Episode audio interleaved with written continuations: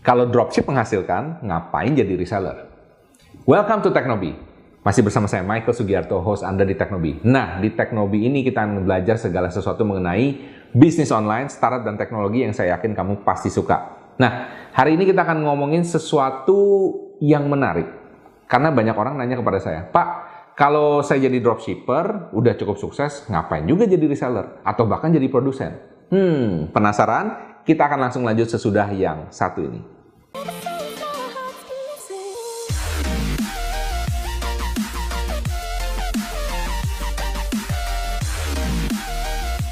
Welcome back to Teknobi. Nah, hari ini kita akan ngomongin sesuatu yang sangat menarik dan intriguing kalau menurut saya ya. Jadi ada orang yang nanya, Pak, kalau saya udah jadi dropshipper yang sukses, ngapain jadi reseller? Apalagi jadi produsen?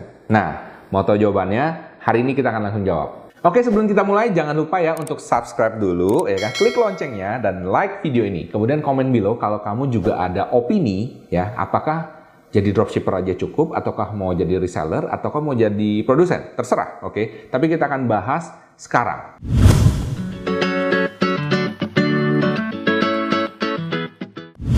Nah, alasan pertama, kenapa kamu mau upgrade dirimu jadi reseller, selain cuma dropshipper, padahal dropshippernya sudah menghasilkan loh, sudah lumayan juga, oke? Okay? Karena kamu mau punya kontrol yang lebih. Nah, kontrol yang lebih ini di bagian mana? Di bagian penyediaan barang. Kalau Anda dropship, ya, sebagaimanapun juga Anda untung besar atau gimana, Anda tetap tidak punya kontrol barang. Kenapa? Karena barangnya itu kan ada di si produsen, ya kan, ada si tempat yang kamu dropship, kamu nggak bisa kontrol. Dan saya berani jamin, kalau dia bisa dropship ke kamu, dia juga punya dropshipper-dropshipper lain. Betul? Dan barangnya ini nggak selalu disediakan eksklusif buat kamu. Nah, ini bedanya. Kalau kamu reseller, ya, kamu itu barangnya kamu beli dulu. Beli dulu ada di sini, ya kan?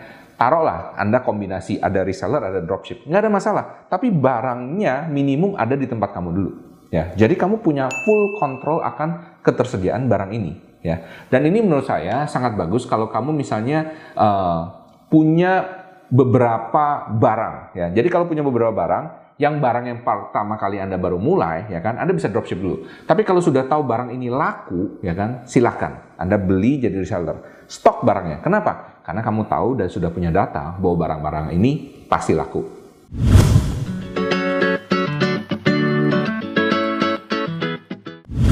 Alasan selanjutnya, kenapa Anda memilih menjadi reseller dibandingkan dropshipper adalah pengiriman Anda yang atur. ya Pengiriman Anda yang atur. Dan menurut saya ini suatu hal yang sangat penting di dalam bisnis online. Karena, karena kenapa ya? Kecepatan servis itu membuat Anda membedakan Anda ya dari satu uh, toko online dengan toko online yang lain. Oke, okay? jadi Anda harus paham itu. Nah, kalau misalnya Anda punya barangnya sendiri, Anda begitu hari ini dapat order, bisa langsung kirim. Tapi kalau misalnya Anda dropship, begitu dapat order, Anda harus place order dulu. Kalau misalnya di situ kebetulan order Anda misalnya cuma satu, terus ada orang yang di sana ordernya 12. Kira-kira kalau Anda sebagai produsen, dia akan mengutamakan yang jualan satu atau yang jualan 12? Pastinya yang lebih besar. Betul? Nah, oleh karena itu menurut saya, kenapa Anda mau upgrade jadi reseller? Iya, karena sekarang kalau misalnya barangnya udah ada di Anda, Anda punya keterga Anda punya kontrol di bidang pengiriman barang itu. Anda mau kirim satu kayak boleh, kirim dua kayak boleh, mau kirim selosin juga boleh, nggak ada masalah. Tapi kalau misalnya Anda seorang produsen dan Anda punya banyak dropshipper, yang satu ini ordernya cuma satu, kadang-kadang satu. Lah, yang orang ini tiap hari ordernya banyak. Ya kan? Dia order sekali selosin, dua losin, minimum beli enam. Nah, kira-kira si produsen ini akan mengutamakan siapa? Dia pasti mengutamakan yang ordernya lebih banyak. Betul? Dan yang jual satu, satu, satu ini ya biasanya akan lebih di tidak akan dianggap. Oke? Nah, untuk itulah salah satu alasannya kenapa Anda mau upgrade menjadi reseller.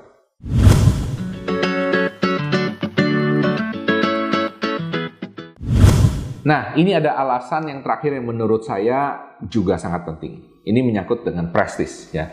Begitu Anda sekarang upgrade dari dropshipper ke reseller, status Anda naik. Nah, ini dia.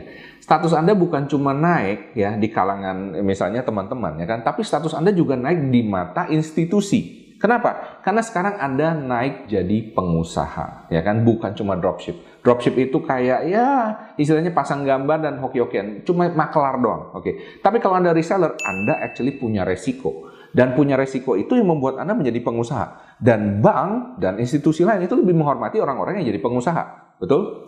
Tapi meskipun begitu, bukan berarti dropshipper bukan pengusaha. Cuman ini pengusahanya kelasnya beda. Tapi kalau Anda ngambil resiko yang lebih gede, Anda jadi pengusaha yang lebih gede. Begitu juga kalau Anda misalnya upgrade jadi produsen. Anda punya pabrik, Anda punya pegawai yang lebih banyak. Berarti resiko semakin gede, benar? Nah, dengan resiko yang semakin besar, of course, berarti dalam kacamata institusi atau kacamata bank, ataupun teman-teman sekolega kalian berarti berpikir, wah orang ini bisa handle resiko yang besar.